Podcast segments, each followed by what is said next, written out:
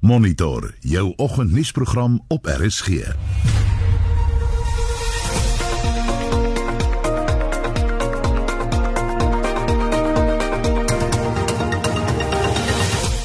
ons program die parlement hou sy eerste virtuele vergadering sedert die inperking ingestel is.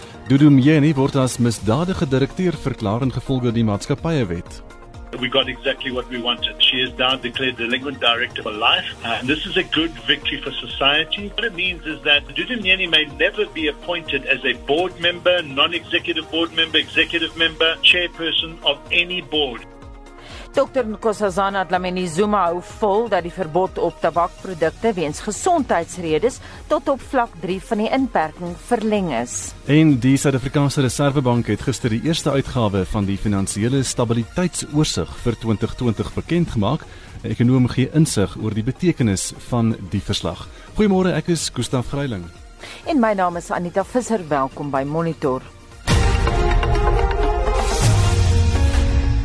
Spaar by Pick n Pay en kry alles wat jy nodig het om tuis te bly, soos 'n grootmaat PNP varkvleispak vir R39.99 per kilo en 'n 5 kg no-name bevrore hoenderbraaipak vir R139.99. Doen veilig inkopies by jou naaste Pick n Pay. Aanbiedinge geld 25 Mei tot 7 Junie. Besenfees geld terwyl voorraad hou. Slegs by Pick n Pay.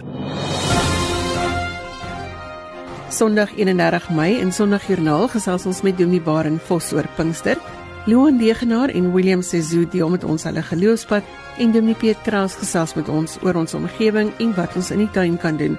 Skakel in vir Sondagjoernaal net na die 7 uur nuus vir positiewe inspirasie saam met my Liselde Bruin.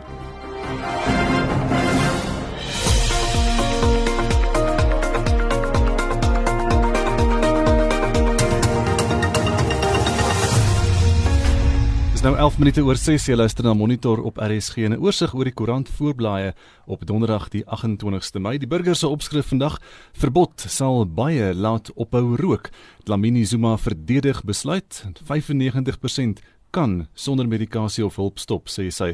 En dis wat sy in haar hofstukke aanvoer in die saak wat die Fair Trade Tobacco Association teen haar gemaak het. Daar's ook 'n foto van die sneeukombers op die Swartberge in die nuus dat 'n tweede koue front die Kaap tref. Beeld vandag NDZ NDZ wys haar hand oor tabak en dan ook die berig oor die bevestiging deur die minister van gesondheid dat die hele land wel maandag na vlak 3 afskuif. Die verwarring in gister se mediaberigte is veroorsaak deur 'n ou skuifie wat hy en sy departement in 'n voorlegging aan die parlement gewys het. En die Australiese akteur Liam Hemsworth is heel bo aan die lys om Gerry Coetzee te vertolk in 'n rolprent oor die legendariese bokser. Volksblad uh, fokus op die oud SAL voorsitter Mjeni is misdadige direkteur en sy mag nie weer in direksies dien nie. Dis juist die manier hoe sy geld verdien. Regter Ronald Tolmey het haar lewenslank tot 'n misdadige direkteur verklaar en gesê sy was strafregtelik nalatig ingevolge die maatskappywet. Business Day berig ook oor die nasionale lugdiens, sakeredders en staat in samesprekings oor nuwe lugdiens. Dis nou die een wat moet verrys uit die SAL as. Die sakeredders hou die krediteure by die deur weg met hierdie nuus. En die hoof van die pensioenfonds vir staatsamptenare, Abel Sitole, is nou die nuwe hoof van die Openbare Beleggingskorporasie. Die beleerde staatsbatebestuurder wat juis die pensioenfonds se geld behoorlik moet bestuur. Internasionaal op bbc.com die dodetal in Amerika het die 100 000 kerf verbygesteek in die koronavirusuitbreking daar. En dis vinnig oorsig van vanoggend se nuus.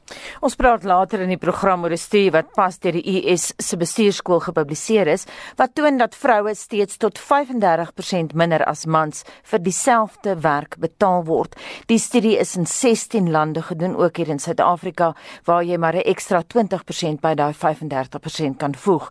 Nou die onderwerp is al verskeie kere in die plaaslike media in Suid-Afrika bespreek, maar het jy enige verandering gesien? Verdien jy as vrou steeds meer of minder as 'n kollega en het die maatskappy waarvoor jy werk pogings aangewend om die salarisstruktuur struktuur aan te pas. En hoe dink jy hierdie probleem moet aangespreek word? Stuur vir ons 'n SMS by 45889. Onthou dit kos R1.50 en jy kan ook jou mening deel op die Facebookblad. Dis facebook.com vorentoe skuinstreep ZRSG of jy kan vir ons 'n nota WhatsApp by 076 536 6961 076 536 6961. Dis 14 minute oor 6 in die parlement het sy eerste mondelinge vraesessie met lede van die uitvoerende gesag gehou sedert die inperking begin het. Minder as 100 LPs was in die vertrek. Die res het op 'n virtuele platform by die vergadering aangesluit. Die meeste vrae wat aan die lede gestel is, hou verband met hoe die regering die COVID-19 pandemie bestry. Zelin Merrington berig. Die parlement se eerste gekombineerde mondelinge vraesessie het sy deel van tegniese probleme gehad met die minister van maatskaplike ontwikkeling, Lindy Wezulu, wat glad nie vrae kon beantwoord nie. LPS het meestal vrae gevra oor die heropening van skole en die gereedheid van die gesondheidssektor om die virus te beheer. Skole heropen die 1 Junie met graad 7s en 12 wat eerste terugkeer.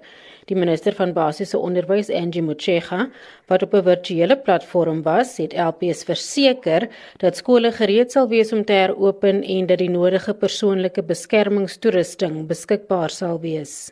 This week because they were expecting teachers, the teachers PPEs are arriving. The learners PPEs will arrive on time because what we were avoiding there are breakages if they know that there are valuable items in schools. There are always breakages. We already have many incidents of breakages in schools just this week. We even had deaths where people were killed trying to break into our schools. Sy sê die departement is vol vertroue dat hulle die regte besluit neem om skole te heropen. From our own health department but also experts in the area um Mr. Sheikh are saying there is no reason why we must keep children at home. So we've also said, because we're dealing with a very difficult environment where people are rightfully anxious, and we know schools are good for children. They're playing the streets now, they are, they are fine. It can be cold when they go to school and it's warm when they are home. It can be safe when they play in the streets and it becomes extremely unsafe when they come to schools. Die gesondheidsminister Willem Kiese, ook op 'n virtuele platform, sê gebaseer op verskeie modelle, behoort die virus tussen Junie en Augustus sy piek te bereik. Alhoewel die vooruitskattinge net 'n riglyn is, word tussen 30000 en 50000 sterftes verwag. Tans het die land meer as 5000 beddens beskikbaar in intensiewe sorgeenhede, maar meer kan bekom word. At the moment the estimated number of uh, ICU beds was just over 5,000 and that number was combining both public and private. But we have also then uh, started looking at additional beds that are being fitted for particularly the provinces that were estimated to be uh, going to be heavily hit, mainly the Gauteng and the Western Cape. We have got an arrangement to be able to use the private hospital beds, which has already started. There are issues we're still cleaning up between us and the private sector, and that is the cost of the beds. Hy het ook verduidelik wat die basis was vir die heropening van gelowige byeenkomste.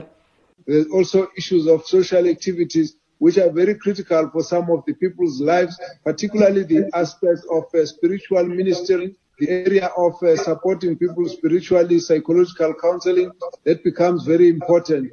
And so when you move forward, you do understand that uh, we will be having this COVID-19 for the next year or two, and therefore it would be impossible to actually say there's no um, religious activity that would be allowed. Dit was die minister van gesondheid Willem Kiese, Zelin Merrington, parlement. Die minister van Samewerkende Regering, Dr Nkosazana Dlamini Zuma, hou vol dat die verbod op tabakprodukte weens gesondheidsredes tot op vlak 3 van die inperking verleng is. Sy sê mediese kundiges en die WHO waarsku dat rokers wat met COVID-19 gediagnoseer word, ernstige gesondheidsprobleme kan ervaar. Dlamini Zuma en die minister van Gesondheid, Dr Zweli Mkhize, het vrae van die Nasionale Raad van Provinsies oor die impak van die koronaviruspandemie en die Grendelstaat beantwoord. Jean Estrosen het die besonderhede. Dlamini Zuma was versigtig om vrae te beantwoord oor die verbod op sigaretverkope omdat daar 'n moontlike hofsaak teen die regering is. Sy het 'n voorbeeld gemaak van hoe mense mekaar met die virus kan aansteek deur sigarette te deel. And we also know that in our communities when people smoke and they don't have a cigarette each they share the cigarettes. Five people or even more can smoke one cigarette, and that puts them in danger as well of contracting COVID if one of them has. Sy sê rokers kan asemhalingsprobleme hê indien hulle die virus kry, wat beteken dat daar moet meer ventilators beskikbaar wees. Sy sê volgens die WHO is daar voordele daaraan verbonde om op te hou rook. It says that if you stop smoking, in 12 hours, the carbon monoxide level in your blood drops to normal. Two to two weeks, your circulation improves and your lung function increases. One month to nine months, coughing and shortness of breath will decrease. Klamini Zuma het die aantuigings van 'n vriendskap met die vermeende tabaksmokkelaar Adriano Mazzotti verwerp. I must also put it on record I'm not Mazotti's friend. And secondly, if anyone is doing crime in South Africa, they must be arrested. Whatever crime, whether they are crime on cigarettes or crime on what, those people who are doing crime must be arrested. Adia Alet in die Nasionale Raad van Provinsies, Kathleen Labeskagni, sê die verbod het nie die gebruik van tabakprodukte verhoed nie, maar slegs tot die onwettige handel daarin gelei. Smoking continues, but the industry has been taken underground. The only logical conclusion is that this is the sole aim of the cabinet and specifically the minister with regards to this ban. The minister is known to have visited Greece and the United Kingdom with Mr. Mazzotti, who now denies that they are friends. Where will the two unfriendly travel partners be going with your profits once the lockdown is completely lifted? Die minister van gesondheid, Dr. Willem Kize, sê daar is op die oomblik 'n groter uitbreking van COVID-19 gevalle sedert die inperking begin het. It's important for us to say whatever we are doing, we must be aware that we are facing a much bigger COVID outbreak challenge than we did when we went to all the lockdown. That we have seen our numbers increasing with the lockdown, that the risk from the uh, health system, we now have 955 people in hospital, 126 in the ICU. Mkhize sê die groot toename van COVID-19 gevalle in die Wes-Kaap kan nie toegeskryf word aan die grootskaalse toetsing nie. Now, 65% of the infections are coming from Western Cape. It's got nothing to do with, uh, you know, testing. We have checked that, and uh, all the comments, some of the people are making comments are ill-informed. The reality is that we've got more infections in the Western Cape, and that's what we must focus on because it's already showing the trends in the Eastern Cape. The rest of the country will have the same thing if we don't manage to contain what's happening in the Western Cape. That's really why we have to deal with it and hotspots. Mkhize sê die nasionale gesondheidsdepartement werk aan planne om die onbeheerste toename van COVID-19 gevalle in die Wes-Kaap te verminder. Die verslag deur Mercedes Besent, Jean Estreisen, SAICanis. Dis nou 22 minute oor 6. Jy luister na Monitor op RSG en die sakeverslag word aangebied deur Nelis Brink van PSG Wealth R21 in Pretoria en Stellenbosch. Môre Nelis. Môre Gustaf. In die FSA bereik hulle 'n dodetal van 100 000 weens die COVID-19 pandemie.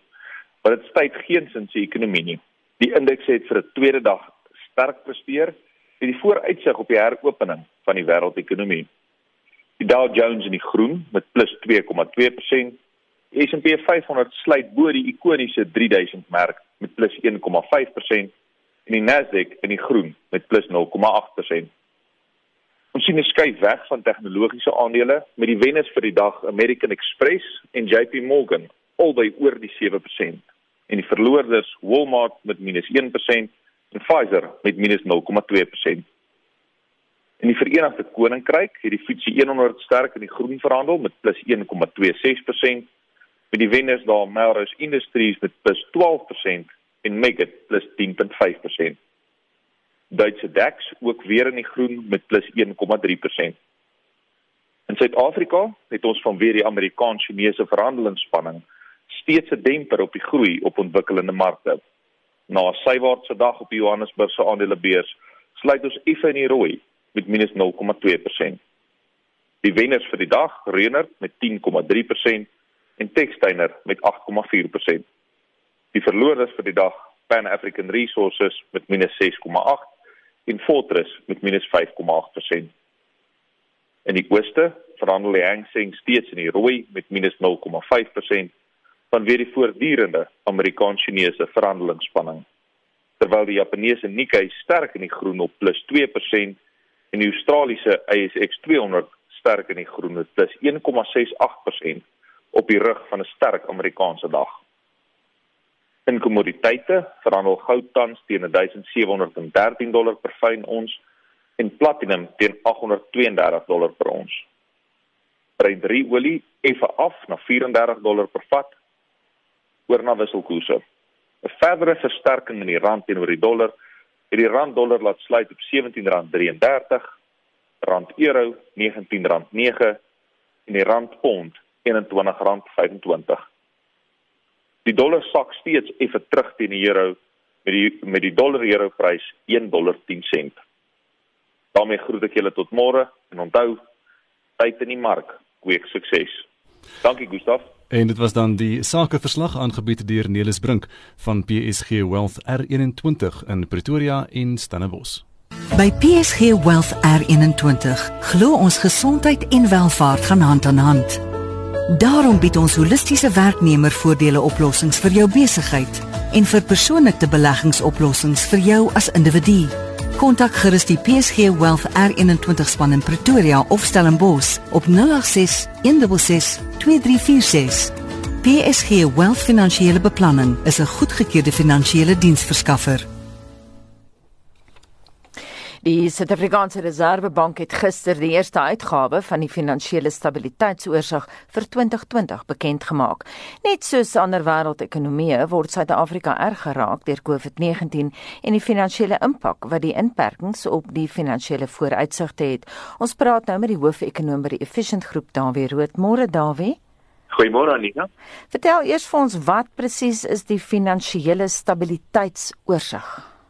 Dis 'n oorsig wat die Reserwebank twee keer 'n jaar uitbring en dis in terme van die nuwe finansiële wetgewing in, Suid-Afrika, die sogenaamde Twin Peaks wetgewing, in terme waarvan die Suid-Afrikaanse Reserwebank verantwoordelik is vir die banke en vir die finansiële markte breedweg gespreek. Is breedweg gesê. So so dis 'n verslag wat twee keer per jaar uitkom wat basies sê hoe gesond die finansiële markte en die banke in Suid-Afrika is.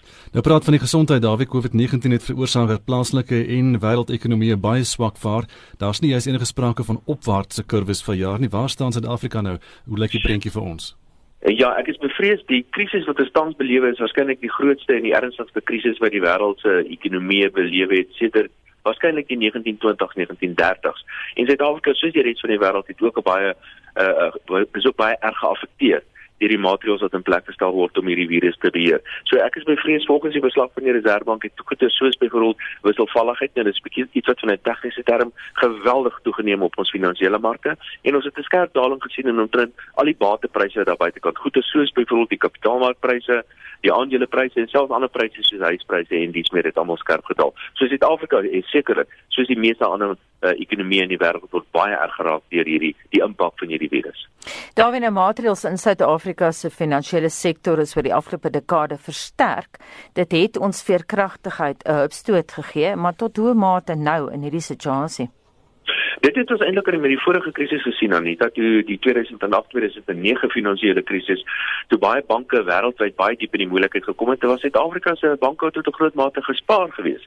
En daar's 'n klomp redes daarvoor. Een van is die Reserwebank wat eintlik 'n baie konservatiewe reguleerder is in Suid-Afrika en allerlei sterk en streng vereistes op die Suid-Afrikaanse banke stel. En nou wat ons nou gesien het met hierdie krisis, het die Suid-Afrikaanse banke ook, soos die meeste ander banke wêreldwyd, ook maar uh, onder druk begin kom, maar wêreldwyd is die finansiële finansiële stelsel baie meer gesond as dit was as wat dit was in 'n 10 jaar terug, maar in Suid-Afrika sonder twyfel ook. En dit het te doen met die maatreëls wat die Reserwebank die afgelope tyd in plek gestel het. Die Reserwebank was baie keer daaroor gekritiseer, maar nou kry ons die voordeel daarvan uh, in in terme van ons finansiële markte en ook ons banke wat sterk relatief sterk staan onder hierdie moeilike omstandighede.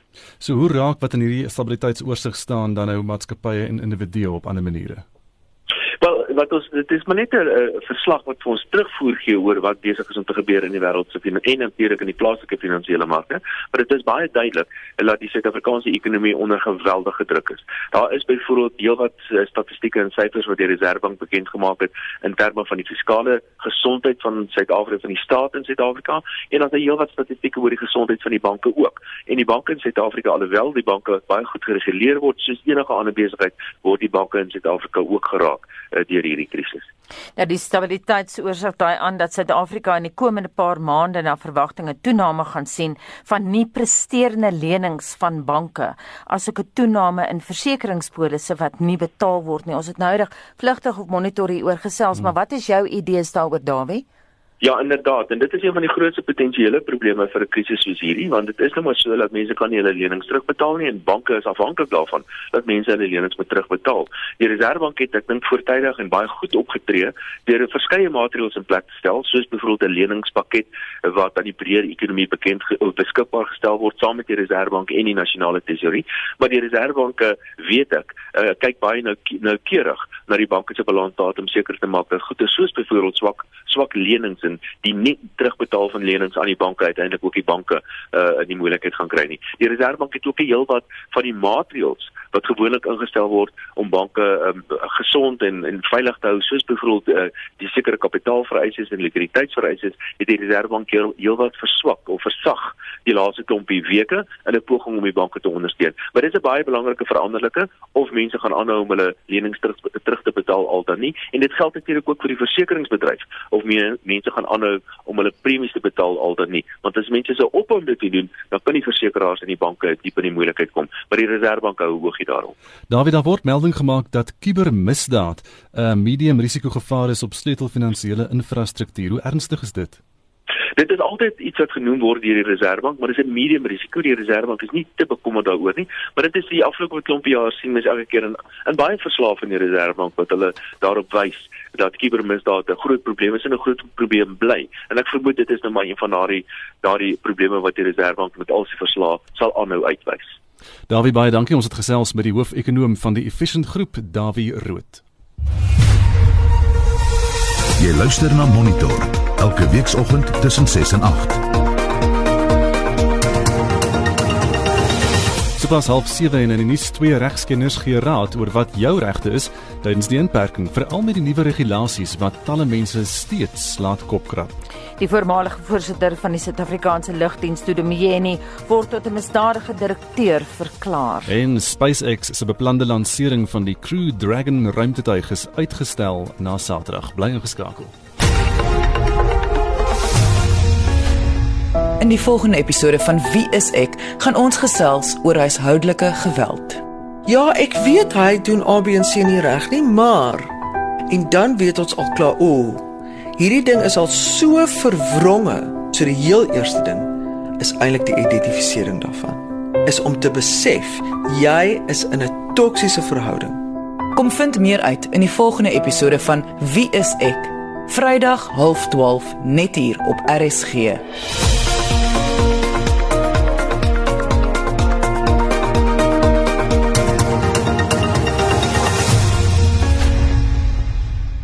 Vincent het ons terugvoer van ons luisteraars vanoggend.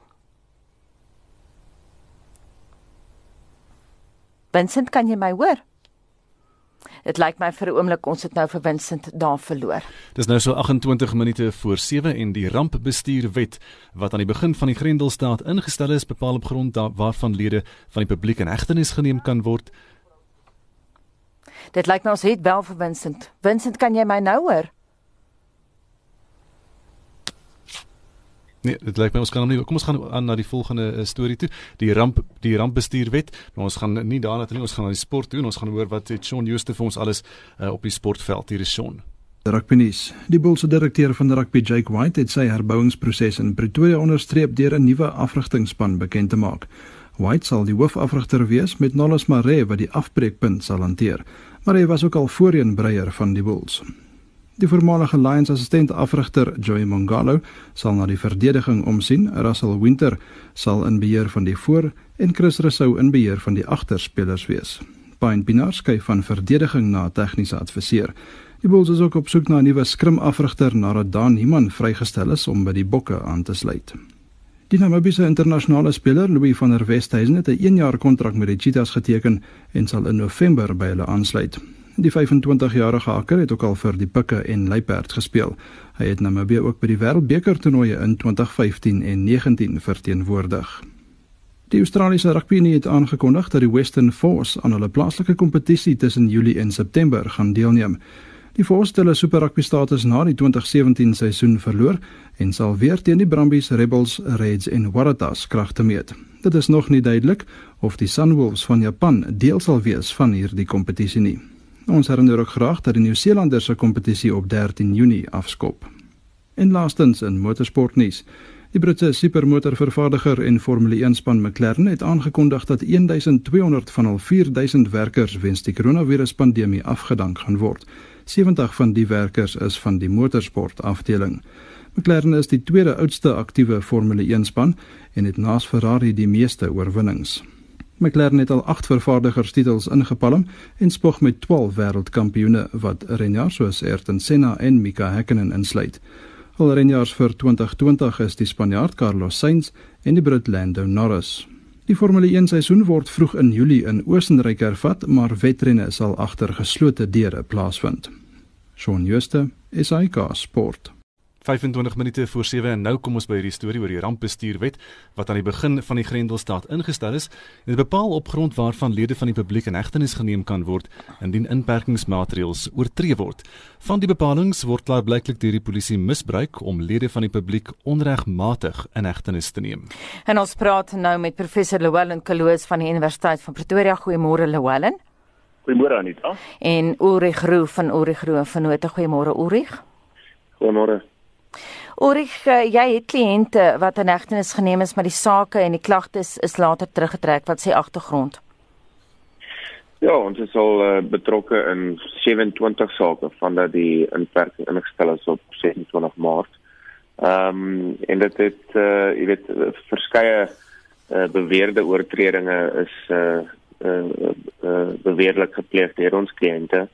Ehm um, in lyn met die rampsbestuurswet en oortredings van die riglyne daarvan. Ehm um, maar nie een van die sake is geplaas deur die nasionale vervolgingsgesag gedurende hierdie tydperk nie. Ehm um, so uit 27 sake is is uh, is 27 mense gearresteer en nie enige geplaas nie. Wat ons aanduiding is dat die polisie ehm um, daar's duidelik verwarring in terme waarvan hulle moet optree en en wanneer hulle mense moet arresteer en en wanneer dit eintlik 'n saak is wat deur die NVG vervolg kan word. Ehm um, so ek dink dit die, die probleem lê by die feit dat die rampsbestuurwet nie behoorlik toegepas word nie en ook dat dit nie behoorlik verstaan word nie. Louwelen, hoe voel jy daaroor? Kom dit neer op uitbuiting van die reg? Ja, ek moet met Ulrich saamstem stem daarso. Dit is ook my ervaring by my praktyk. Uh dit lyk vir my die linkerhand weet nie wat die regterhand lekker doen nie. En uh ja, dit is definitief nie net 'n geval van uh uitbuiting nie. Ek dink dit is misbruik van die reg en dit is 'n geweldige uh jy weet ingrype op menseregte in die sin van jy weet uh daar word vrees ingeboesem by die publiek onnodig. Jy weet ehm um, as die vervolgings met die nee is dit tog aanduidend daarvan dat ten minste die aanklaer wat uiteindelik verantwoordelik is vir die vervolging nie die moed van sy oortuiging het om hierdie saak eintlik in die hof te te, te voer nie wat wat wat aanduidend daarvan is dat daar in die eerste plek nie meriete was van die aanvanklike arrestasie nie. Lowella die minister van polisie was baie duidelik toe hy gepraat het oor die besit en die onwettige aankoop van sigarette tydens die inperkingstyd. Vir luisteraars wat daai klankgreep gemis het, hier is dit weer. Dit lyk my ons het nie daai klankgreep nie. Kom ons gaan net terug na jou toe Ulrich. Volgens die rampbestuurswet mag rokers gevra word vir 'n kwitansie of waar en wanneer hulle hulle sigarette gekoop het of wat. Nee, glad nie. Die die wet is duidelik dat dit slegs die verkoop en koop van sigarette wat nie toegelaat word nie. So die minister wat beweer dat dat jy 'n kwitansie moet hê vir sigarette wat jy gekoop word, is 'n absolute belaglike stelling. Daar is geen meriete daarin nie en 'n persoon kan nie gearresteer word uh, as hy nie sy kwitansie kan wys nie, maar ook dit is 'n indringing op 'n persoon se regte dat die polisie nou daarop aandring dat hy moet wys wanneer en waar en hoe hy hierdie sigaret gekoop het. So weer eens, jy weet, ek stem saam met met professor Kerloos ook dat dit net dit is 'n absolute misbruik van die wet. Uh en dit is 'n absolute verwarring deur die polisielede en dit word ongelukkig geskep deur die minister. Die minister is 'n roekelose stelling om te maak uh en en dit jy weet dit dit boesem vrees in mense in wat onnodig is. Llewellyn, wat kan mense maak wat nou gestop word en gevra word vir so 'n kwitansie? Wat is hulle regte? Hoe kan hulle moontlik dan nou die inhegtenisname teenstaan? Ja, laat ons net dit vir mekaar duidelik sê. Uh, dit lyk vir my minister Cele uh, probeer hier so aanklaer speel en sommer terselfdertyd die arresteerder en uiteindelik seker die regter ook as hy sy sin sou kom kry. En dit is totaal onaanvaarbaar. Ek meen aan die einde van die dag die bewyslas is op die vervolgingsgesag, met ander woorde die staat om te ver, te bewys daardie persoon het die wet oortree. En dit beteken daardie kwitansies wat gevra word is hulle voor verantwoordelik om te bewys of nie te bewys dat dit bestaan of nie bestaan nie. Nie die nie die lid van die publiek nie. Daar's geen bewyslas om jou onskuld te bewys op die lid van die publiek nie. En uh, wat die arrestasie aspekte aanbetref, natuurlik is dit so dat as jy gestop word en op heterdaad betrap word of uh, in 'n poging om 'n misdaad te te, te pleeg, dan kan jy gearresteer word. Dit sou 'n regmatige arrestasie daarstel in terme van artikel 39 van die uh, 41 van die van die strafproseswet. Maar sou dit nie die, die geval wees nie dan kan die persoon natuurlik daarop aandring dat hy gevra word, "Waarom word ek gearresteer?" en hy moet dan uh, 'n uh, verduideliking kry wat die klagte is teen hom. En natuurlik is dit dan 'n geval van jy kan natuurlik probeer uh, onderhandel daarin sê, "Maar nee, ek het niks verkeerd gedoen nie hier hieroor." Maar die probleem is, weet in my ervaring wat dan gewoonlik gebeur is, die polisie gaan dan aanvoer jy is besig om hulle te uh, probeer verset teen arrestasie en dit is 'n ander misdrijf wat jy dan pleeg. So die regte ding sou wees om dan net te sê, maar wag, goed, laat ons hierdie ding maar by die polisiestasie gaan uitsorteer met hulp van my regsverteenwoordiger. Ulrich, watter afleiding moet gemaak word dat die sake wat jou firma nou behartig het teruggetrek is? Nou, eers is er al nooit Marita was uh, om om die mense te arresteer nie. Ehm um, dat en maar tweedens dat daar absolute misbruik en en uh, verwarring is met met betrekking tot die tot die wet en die toepassing daarvan ehm um, jy weet jy eh, as 'n lid van die publiek gearresteer word ehm um, vir 'n beweerde oortreding en die saak word nie eens op die rol geplaas nie dan is daar definitief gronde om die polisie siviel regtelik aan te aan te vat daar en uh, en hulle aan te vat vir die vir skadevergoeding en skade wat daai persoon gely het. Dit is 'n absolute traumatiese ervaring om gearresteer te word deur die polisie. Uh net vir die klagtes om aan teruggetrek te word is nie net onnodig nie, maar weer eens 'n indringing op persoon se regte. So uh in kort, ek dink dit is 'n dit is 'n geval van weer eens van die wet wat nie verstaan word deur die polisie nie. Lewanne, ek wil terugkom na 'n saak waaroor ons vroeër op monitor gesels het veral met jou hierdie week en dit was daai vrou in die strand wat gearresteer is. Nou, ek het intussen met haar regsverteenwoordiger gesels. Maar daar is gevoel van vrees in die Kaap. Een van die mense wat uh, gehelp het wat 'n ooggetuie was van wat daar gebeur het. Dis nou verlede Vrydagoggend. Dit was so kwart voor 8 die oggend. Het gesê hy is te bang om op Twitter eers te verskyn want daar is al 'n kultuur van vrees dat hy uh, geboelie gaan word op een of ander manier deur die uh, deur die polisie. Dink jy daai storie het nou so wyd uitgering dat dit skep half 'n vrees onder luisteraars en mense oor wat hulle mag en wat hulle nie mag doen nie? Wel ek dink nie dis net daardie storie nie. Ek dink daar's 'n algemene gevoel by die publiek dat hulle geïntimideerd voel, dat hulle geviktimiseer voel en dat dit 'n uh, totale misbruik is van die reg wat plaasvind. Dit voel vir my of ons lede in die publiek uh, dink hulle is in 'n staat van oorlog. Want hierdie is die tipe gedrag wat 'n mens sien wanneer uh, twee lande in oorlogssituasie dit is die tipe gedrag wat ons in destyds Nazi Duitsland gesien het wat ons sien in dele van Israel waar die polisie en die weermag die strate patrolleer en mense dan voorstok net links en regs arresteer en en hulle magte misbruik. En dit is die effek dink ek wat ons ook gesien het met die implementering van die vir van die van die weermag wat ingeroep is om bystand te verleen aan die polisie. So dit dit is 'n dramatiese gebeurtenis vir enige persoon om gearresteer te word. En ongelukkig is uh, die die man op straat ehm um, voel dat dat hy nie teen hierdie geweldige oormag nie veel kan verrig nie. En ongelukkig is die staatsmasjinerie maar stadig en uiteindelik is daar sekere dinge wat gedoen kan word, maar dit is gewoonlik eers na die tyd wat jy daardie siviele regte kan instel en soos wat Ulrich genoem het, uh, uiteindelik dan miskien 'n siviele eis kan instel. Maar uit die staanspoor is daar verseker daardie gevoel wat onder ons lede bestaan. Ulrich, wat is jou mening daaroor toe jy nou daai video gesien het? Hoe sterk is haar saak? Ja, ek dink dit is eh, daar is definitief meer daar en ek dink dit is 'n absolute onnodige insident geweest. Ehm um, jy weet ons het 'n ons het 'n demokratiese land en ons het 'n grondwet wat ehm um, weet wat uh, wat wat ons hoofwet in die land is. Enige wette wat teenstrydig is daarmee moet uh, ongeldig verklaar word. So die polisie moet seker maak dat hulle ten alle tye die, die grondwet uh, gehoorsaam um, en en daaroor so optree. Baie dankie ons het gesels vanoggend met die regskenners Ulrich Groe van Ulrich Groe en Vennote en professor Llewellyn Kerloos van die Universiteit van Pretoria. 643 baie welkom by Monitor. Die Kaapse Wynland is as een van die brandpunte van COVID-19 in die Wes-Kaap uitgewys.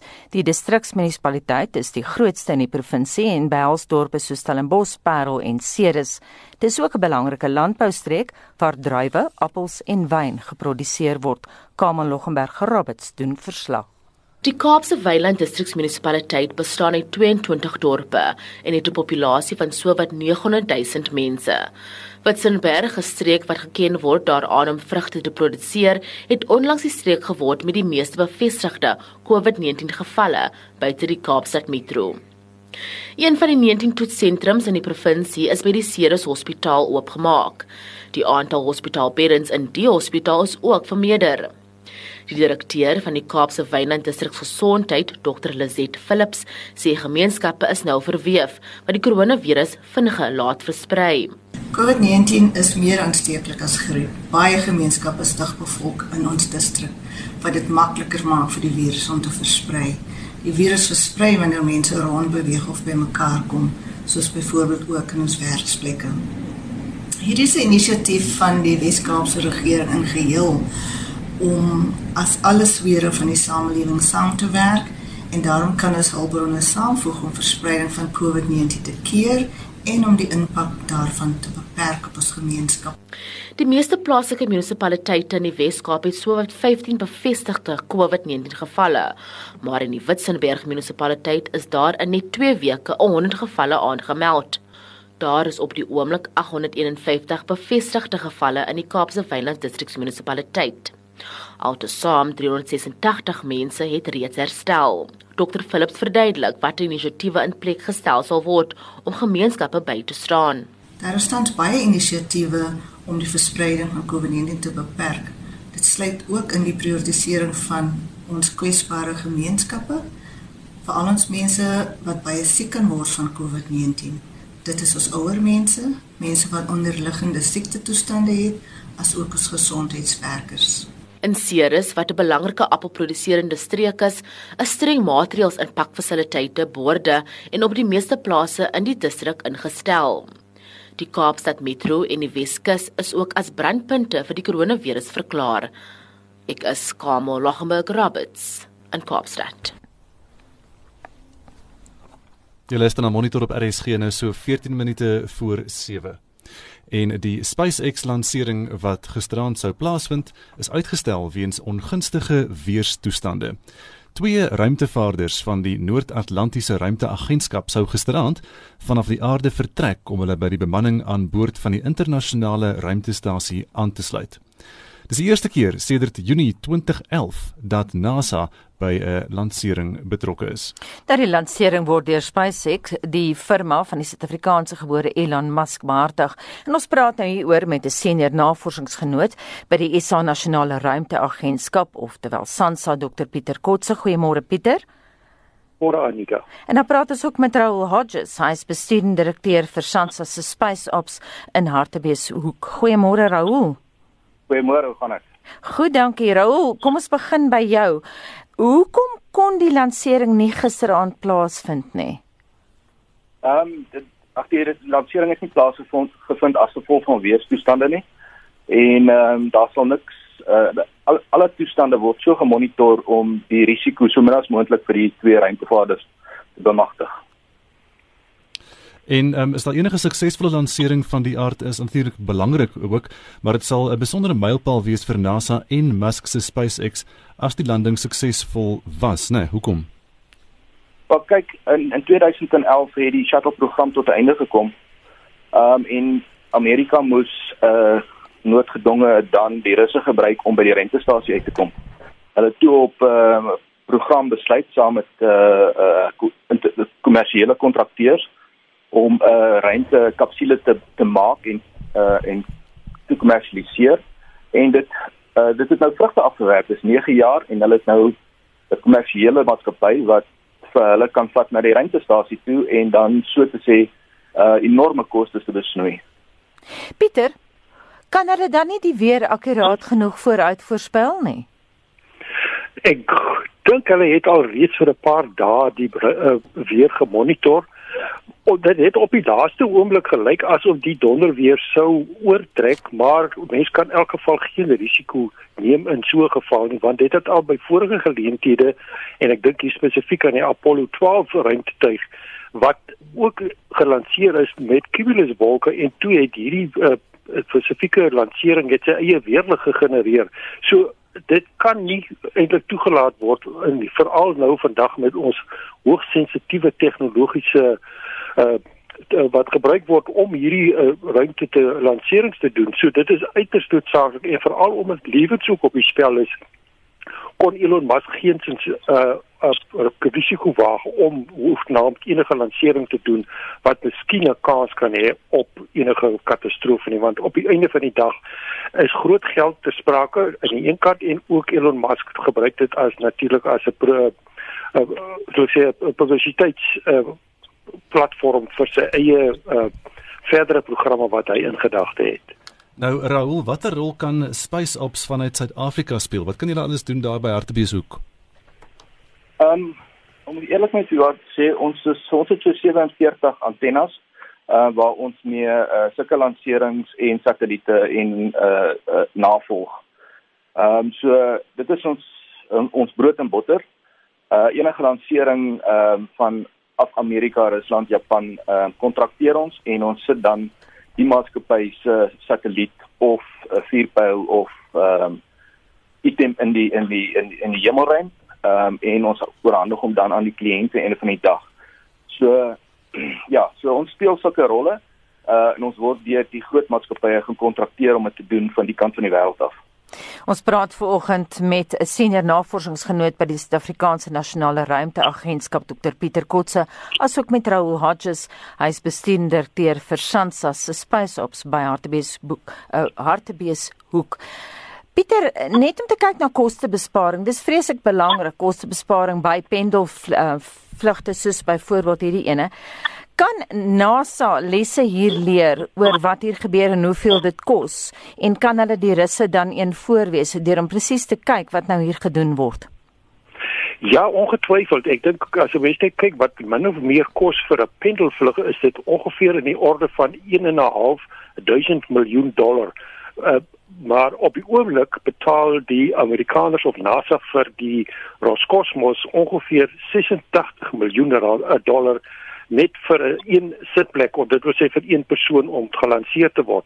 Nou wat Elon Musk gedoen het, hy het nou onder die russe ingekom en vir hulle vir die Amerikaners gekwoteer vir 55 miljoen dollar per sitplek op 'n SpaceX lansering. So dit is 'n aansienlike kostebesparing en beteken natuurlik dat NASA nou broodnodige kapitaal of uh, befondsing kan gebruik om ander programme te finansier en dis nie hulle uh, mannekrag en ook geld te spandeer op 'n lansering van uh, byvoorbeeld vlieg of hierdie vuurpyle nie.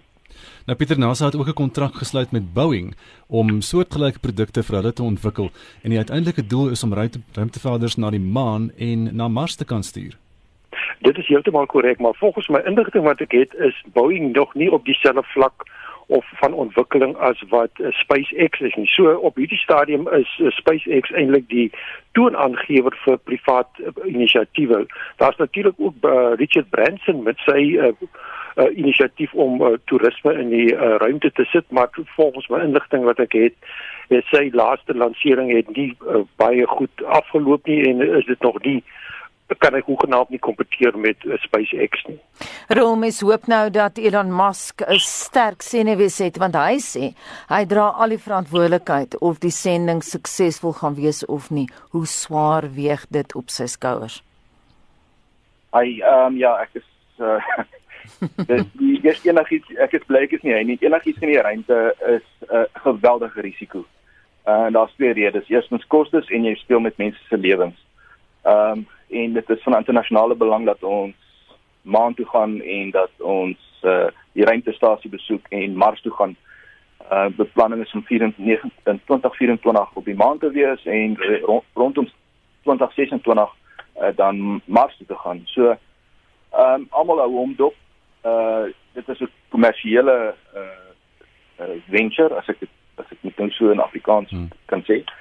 Ehm um, en almal hoop dat dit ehm um, vir die kommersiële uh, ruimtebedryf uh, suksesvol is. Ehm um, so ja, vir wie wys jy nou 'n vinger as dit verkeerd loop? En en ek dink dis waarna hy verwys. Nou een van Musk se doelwitte vir SpaceX is om gewone mense vir kort periodes in 'n wentelbaan om die aarde te kan plaas. Sal dit in die afsienbare toekoms moontlik wees, Pieter? Uh, dit is wel waarskynlik moontlik. Ek dink dit is 'n rigting waarin hy natuurlik beweeg, maar die uh, om volgens wat ek verneem kos dit ongeveer 35 miljoen dollar per persoon om so 'n rit te kan onderneem. So ek dink met die huidige ekonomiese insinking in die wêreld is daar 'n redelike afname van mense wat kapitaalkragtig genoeg is om so 'n avontuur te onderneem, maar uiteindelik gaan ruimtetoerisme 'n uh, rol speel en dit is ook waarom uh, hierdie uh, Richard Branson natuurlik ook sy uh, programme afgestem het op is om uh, ruimtetoerisme moontlik te maak want dit is 'n uh, een van die velde wat die ruimte toeganklik kan maak vir die uh, gewone man in die straat en dis is ook kan 'n uh, van 'n finansiële voordeel wees vir natuurlik vir hierdie uh, entrepreneurs wat hierdie inisiatiewe loods.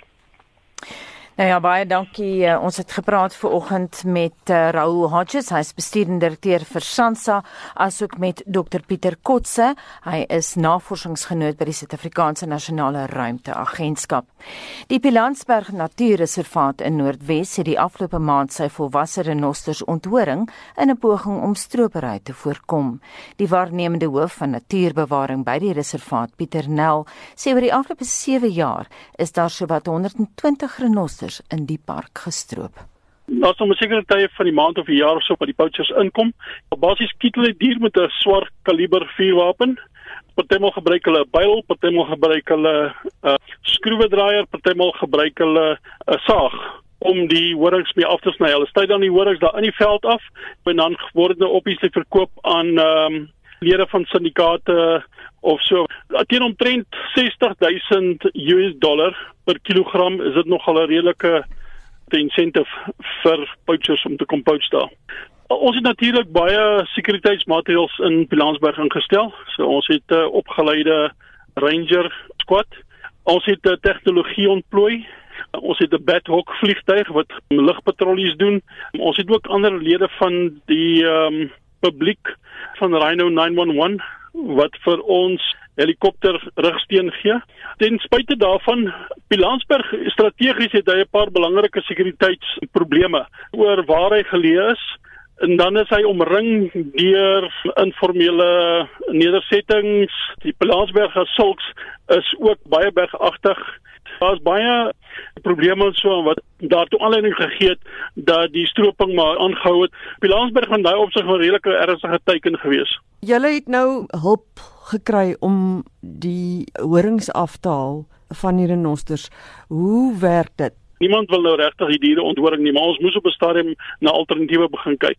En toe het ons vir Rhino 911, dit is 'n bewarings NGO, het ons benader en hulle het werwing van fondse gedoen en hulle het 'n span aangestel wat saam met ons die operasie beplan het en ons het altyd gedink ons gaan hier rondom Mei dit doen want Mei is dit bietjie koeler. Omdat dit so groot populasie is moet ons omtrent reg deur die dag werk om so gou as moontlik al die diere onthoring te kry Maar dit is natuurlik onder groot geheimhouding gedoen.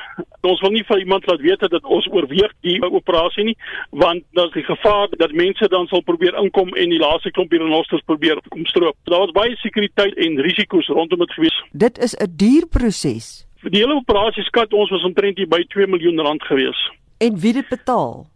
Dit is hoofsaaklik deur Rhino 911 wat vir ons die fondswerwing gedoen het en die beplanning dan saam met ons gedoen het.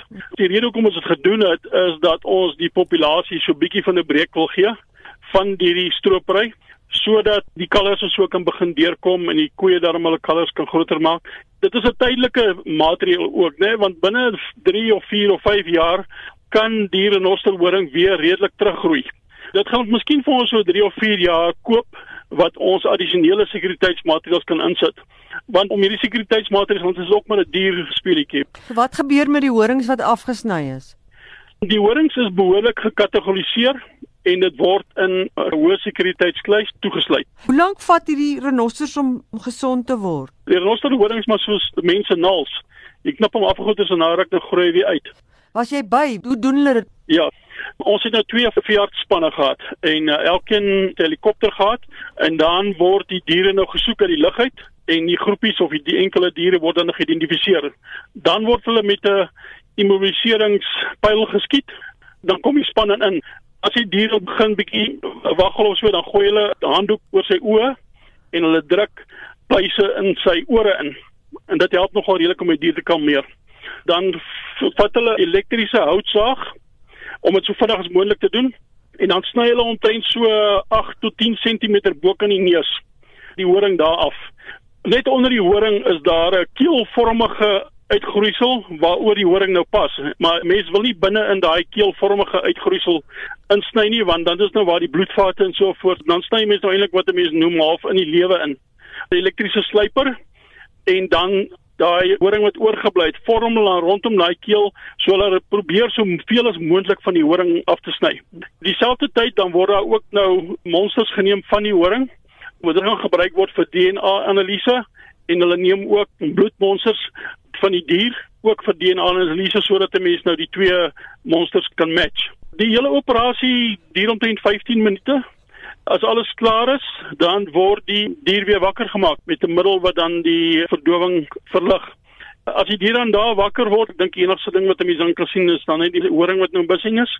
Ons het van die koeie het ons bevrou was reg baie klein kalfies gewees wat ons obviously nou nie onthoring het nie, maar hulle was rondom die koeie gewees en die koeie tydens daai tyd behandel en alles en die dier het wakker geword en dan loop hulle weer af en dan gaan hulle weer aan met wat lank gegaan het.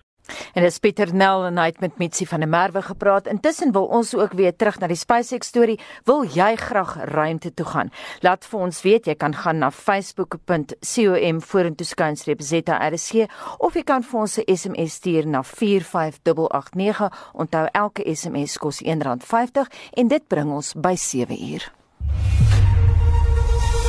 Esai Kahnis, onafhanklik, onpartydig.